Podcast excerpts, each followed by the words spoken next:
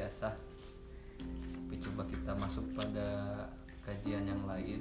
Pada malam hari ini kita coba membedah tentang filsafat sains dalam Al-Quran. Sebetulnya ulasan-ulasan dari pertemuan kemarin coba e, membangun beberapa cara pandang dari persoalan sains bahwa membuktikan kebenaran Islam membuktikan bahwa kita tidak tertinggal dari Eropa adalah salah satunya bagaimana kita bersaing dalam persoalan pengetahuan. Dan ini salah satu juga bentuk di mana penguatan pengetahuan dan logika khususnya pengetahuan-pengetahuan modern coba kita kaji pada sudut pandang e, moral atau sudut pandang keislaman. Di mana memang hari ini belum belum banyak kita temukan sebelum dalam referensi dan literasi literasi umum. Baik di sekolah ataupun juga di perkuliahan bahwa eh, kajian-kajian sains keislaman ini juga sebetulnya ada dalam sejarah panjang peradaban Islam tapi juga jarang kita gali kembali. Maka malam ini kita akan coba membedahnya eh, sebelum kita masuk pada pembedahan tersebut mari kita baca eh, surat fatihah bersama-sama. Bismillahirrahmanirrahim.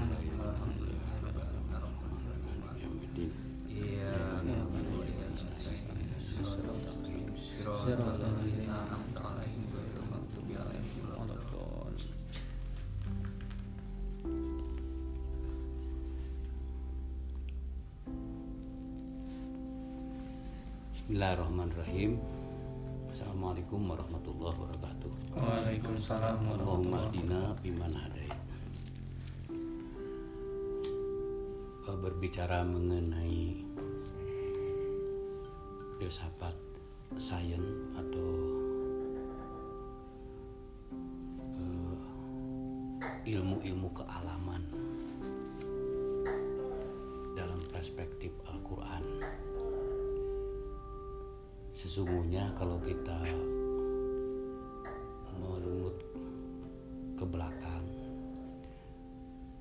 bisa kenabian itu diawali disepakati oleh siapa pun para jumhur ulama para peneliti sejarah diawali dengan turunnya lima ayat dari surat al-alaq. Bahkan ayat yang pertama itu adalah perintah membaca. Artinya masyarakat muslim mula-mula saja sudah dikenalkan kepada sikap mencari pengetahuan lewat literasi ikro. Nah, tetapi apakah perintah membaca ini bisa dipahami oleh siapa pun? Tentu saja akan menambah wawasan, nambah pengetahuan, nambah pengalaman, nambah informasi berbagai macam dari membaca itu. Tapi digantet dengan Ikro bismi rabbana bismi rabbikal ladzi. Nah, di sini tidak diungkapkan bismillahirrahmanirrahim. Tapi bismi rabbikal. Tuhan dikenalkan dalam bentuk status dan uh, aktif. Jadi rob.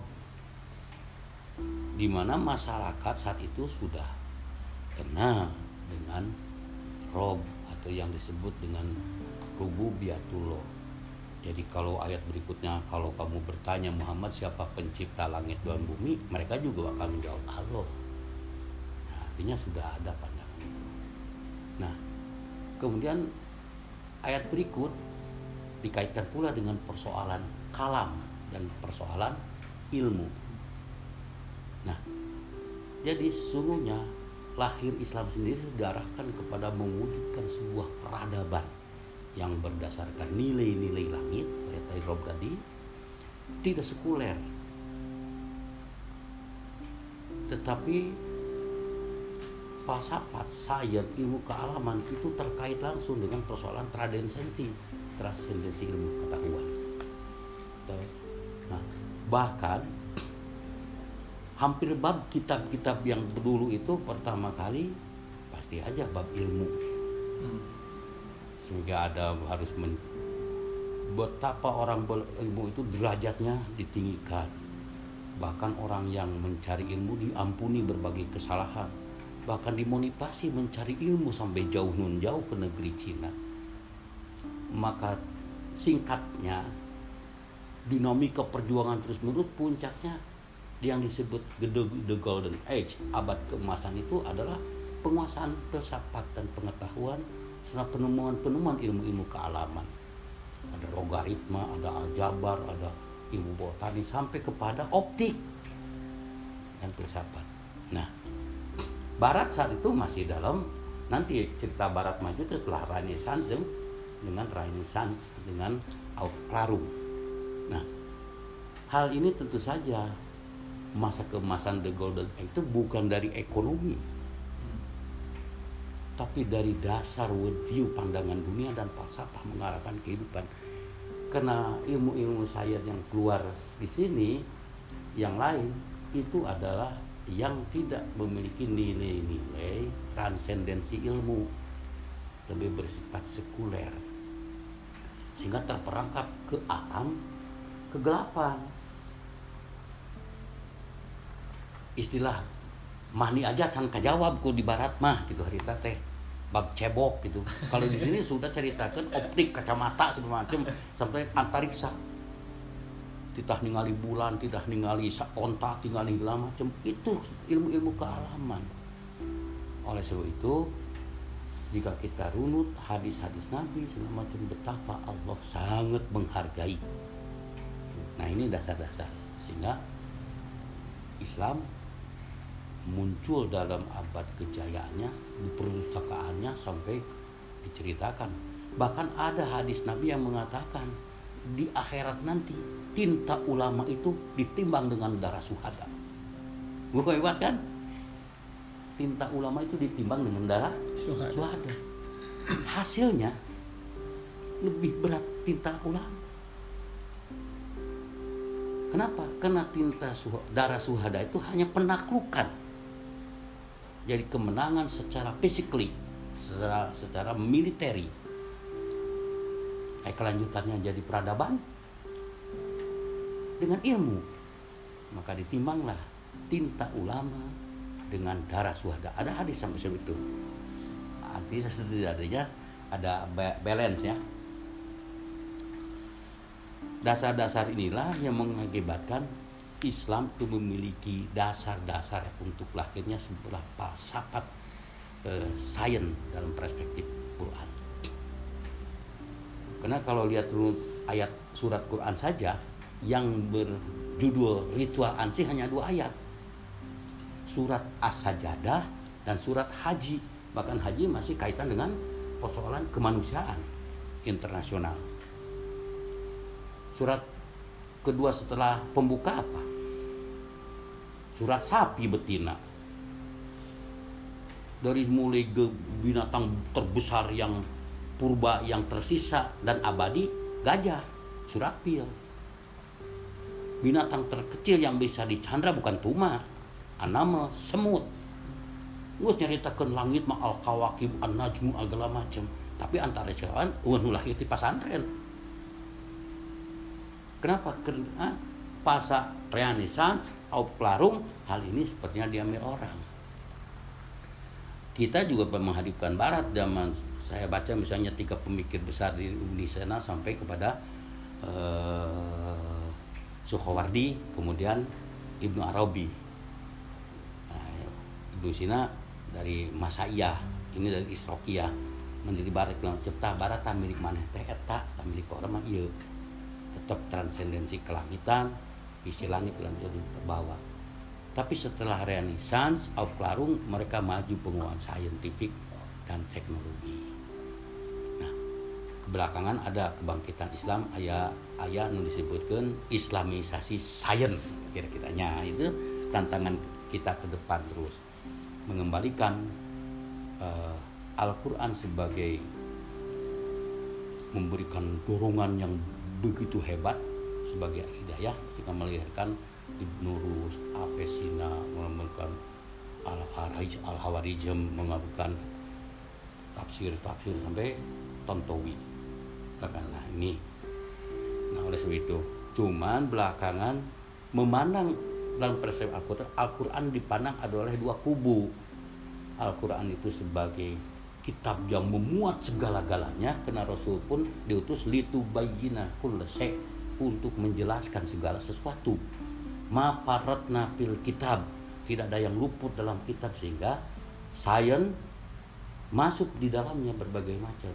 Nah, sementara yang menolak Quran adalah kitab hidayah, kitab petunjuk, kitab pembimbing, bukan kitab sejarah, bukan kitab ilmu-ilmu pengetahuan, bukan kitab hukum. Dia adalah kitab hidayah. Karena sains itu berproses dari hipotesa, penelitian dengan pengumpulan fakta dan data, fakta dan data itu diklasifikasi dan diuji akurasi dan validisasinya level 50 85 persen mutlak jadi teori ilmu. Sah sebelum ada fakta baru. Kumalu stempel ku ayat ya kedatang fakta baru. Ayat jadi go jadi bata nah oleh itu nah, nah oleh itu tidak begitu. Quran kita ya sehebat Ibnu Sina meneliti fauna dan flora tidak disentempel ku ayat tapi berangkat dari Tapi bagaimana pula banyak ayat-ayat yang menyutuhan dengan ayat-ayat kealaman yang faktanya seperti orang melahir, ya hamil. Mima indah big spermatozoa yang dimecahan menghancurkan. Lalu masuk di korori makin yang sebut terakhir jadi alakotan, jadi mudkotan langsung sesuai dengan ilmu badan ke ke nah, bab teh dengan ilmu itu selesai Cuman tentu saja kalau mau pasir itu sesuai zamannya alokah disebut tubuh kumpal darah tidak ada itu sebetulnya. Alokah itu di asal kata melekat yang melekat kepada dinding. Maka ketika diobrol dengan para ahli itu oh iya betul. Seperti ya Yohanes kan di tafsir mah pasti we hai kupar kures gitu. Ya emang, emang mau pasirnya zaman itu. Tapi Quran mah tidak Allah ya Yohanes mah kan ja'a saya segala segenap manusia aja. Tapi membaca tafsir sesuai dengan konteks siapa mufasir itu oleh itu tafsirnya tidak mutlak. Yang mutlak itu ya ayuhanas tidak temah hai kupar kures itu ya ayuhanas budorob ayam tua hidup. Memang paganisme. Tapi tatkala kita sekarang ya ayuhanas kita nyebutkan kafir kures. Seganap kanu ya itu ayat oleh itu berkembang dari itu pengetahuan itu. Nah yang satu lagi kitab hidayah huda linnas wa bayyinati minal huda wal furqan. Jadi bukan kitab sains bukan kitab sejarah bukan apalagi botani ya bukan. Tapi tatkala ada ayat-ayat yang menjurus ke sana itu lebih bersifat dorongan untuk mukminin untuk mukmin. Seperti fantasi rupil ardi. Kita survei tapi dari tapi betapa sedikitnya di perguruan tinggi Islam pun lembaga-lembaga sedikit yang profesional. Yang, yang itu segala macam. Ada tararin riset.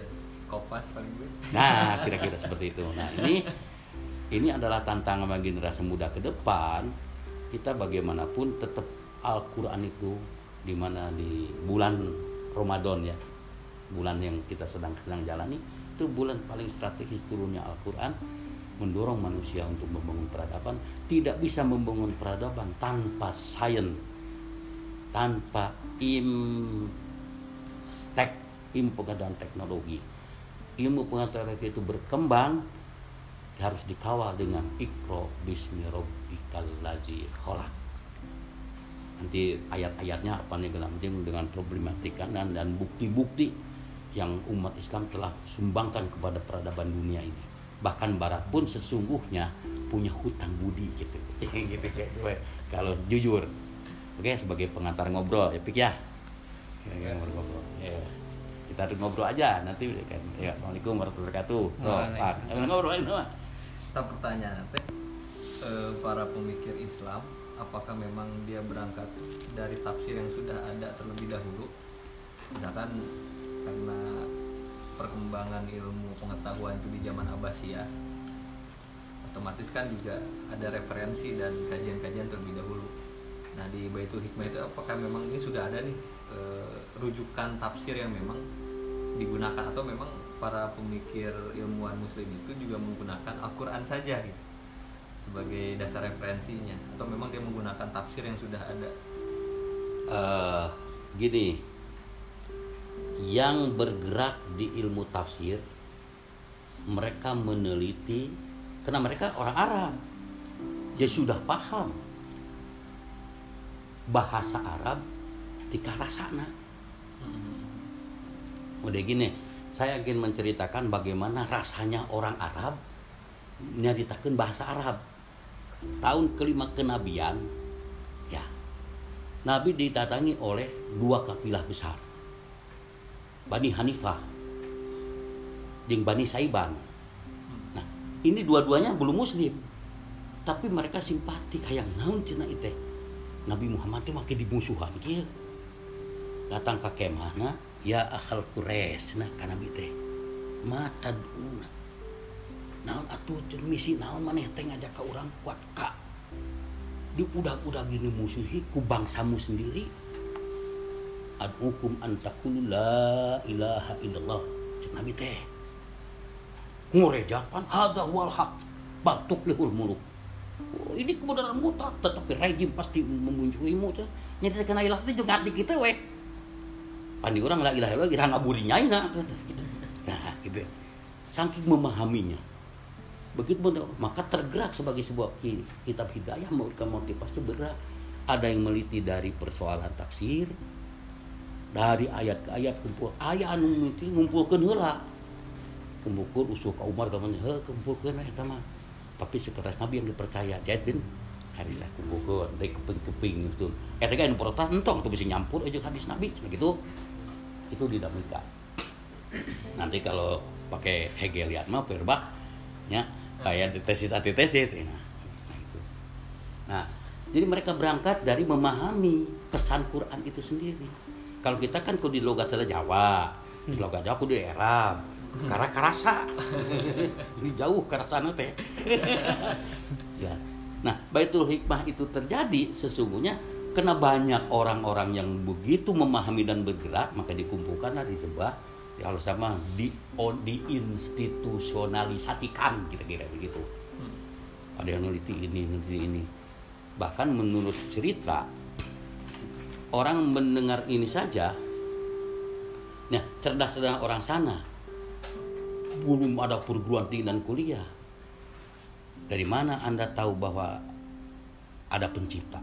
Pada orang Baduy itu tukang ngomong domba nya cenah liwat anjingnya ayat tai anjing. Nuduhkeun kana ayana anjing. Anjing. Logikanya. Nya aya aya tai anjing nuduhkeun kana ayana pada anjingna mah eueuh di, di harita teh eueuh. Tapi visi ini sudah bentuk berbentuk terus nah pada itu orang yang yang hamba sahaya jadi budak gawe ngangon nyaho itu di mana ada tai anjing teh nuduhkeun kana ayana jadi tatkala ditanya anda percaya Tuhan? Teh gitu tuh logikanya udah masuk. Kena paham. Nah oleh sebab itu jadi mereka terdorong oleh motivasi Al-Quran sehingga ada yang berbagai meneliti. Cuman pasti manusia itu talentanya ku Allah teu disarwakeun nu resep ngumpulkeun wae perkataan Rasul. Oh mah si anu we cenah bab eta nabi segala macam nanti. Nah puncaknya nanti itu hadis ditelitinya itu sudah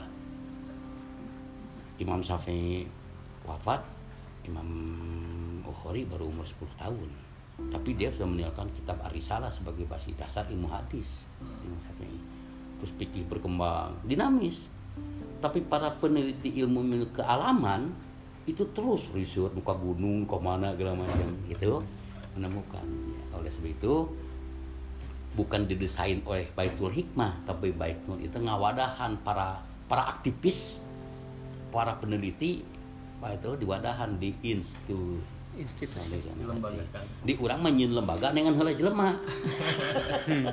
Ini jelema sudah berjalan terdorong oleh Al-Quran sebagai kitab hidayah. Memang yang pertama lagi turun dia berkaitan dengan ikro. Literasi kan itu sebetulnya. Hmm. Dekirnya turun pertama teh us judu. Gitu tuh gitu. Us judu sarujud. Gitu gitu. Tekit ikro. Betapa kan itu. Nah seperti itu sehingga yang menurut itu ada orang hanya sholat lima waktu yang tidak ditinggalkan. Tapi dia gitu ya nurak itu ketika kapangi angka-angka. Saya ngomong ya angka no angka satu kan ketika ya matematika ya aljabar ya segala macam gitu. Sampai ke optik logaritma segala macam. Sampai kepada kalau dipilahkan sampai uh, antropologi kemudian ada info antariksa no? Astronomi gitu segala macam. Yang jadi dasar astronomi ayeuna segala macam kalau mau itu Abu Masar sesungguhnya dengan hitungan-hitungannya segala macam. Walaupun Abu Masar ayo lebih nah gitu. Jadi ngitung karena perbawaan simbol-simbol itu kepada karakter ini nah, gitu. kira-kira seperti itu. Kira-kira seperti itu. Lah itu aja ngomong